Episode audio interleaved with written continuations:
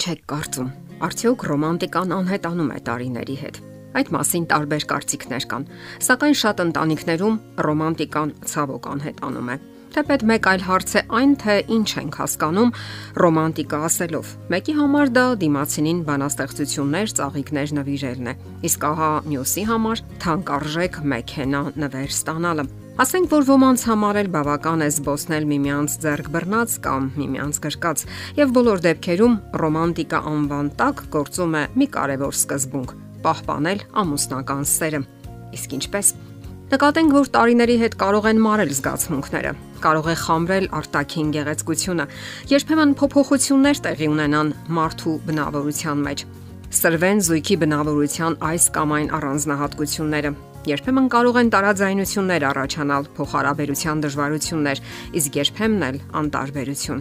Հարաբերությունները կարող են անընդհատ տատանվել, սակայն բոլոր դեպքերում շատ կարևոր է պահպանել ընդհանուր միասնական գիծը եւ ջանքեր գործադրել դրանք դրական ուղղությամբ ուղղորդելու համար։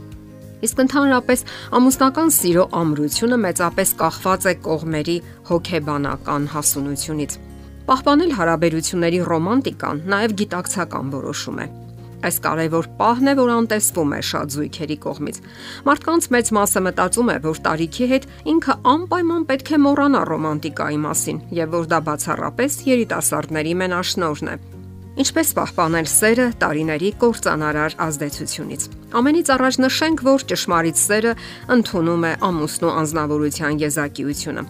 ազատություն է տալիս նրան լինելու ինքն իր հետ։ Այդպիսի սերը բացառում է ցանկացած սեփականատիրական փորձ դիմացինի հետ վարվելու որպես առարկայի կամ անկամ անznավորության։ Եթե ամուսինները պահպանեն այս բոլոր կանոնները, ապա սերը ինքնըստինքյան կպահպանվի եւ բնականաբար նաեւ ռոմանտիկան, չէ՞ որ սերն ու ռոմանտիկան միմյանցից անջատ հասկացություններ չեն։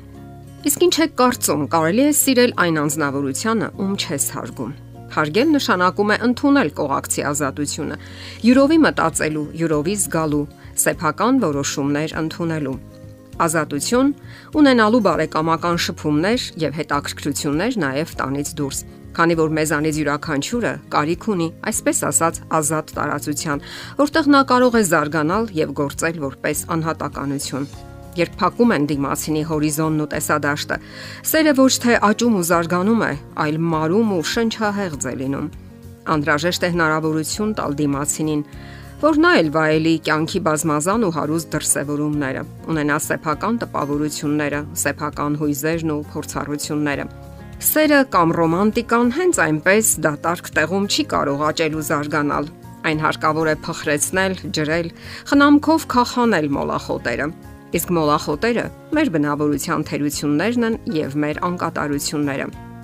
Այսօր հարյուրավոր եւ հազարավոր ամուսիններ կարծրացած ու հիասթափված սկսում են ամուսնալուծության գործընթացը եւ չեն հիշում, թե ինչպես մի ժամանակ հավերժական սիրո խոստում են տվել, իսկ այդ խոստումը ոչ թե ծիսակատարության մաս է, այլ որոշում։ Հասկանալի է, որ երիտասարդ տարիքում սերը դեպքերի մեծ մասում սկսվում է կրքոտ հրապուրանքից, Սակայն ինչպես հրաշալի բույսն է խամրում ու թառամում, այնպես էլ սերն է մարում, եթե սիրող սրտերը չեն պատկերացնում, թե ինչով եւ ինչպես սնել ու խնամել այն եւ հասկանալ, որ այն միայն ողջկլտացող զգացմունք չէ, ինչպես շատերն են սխալմամբ կարծում։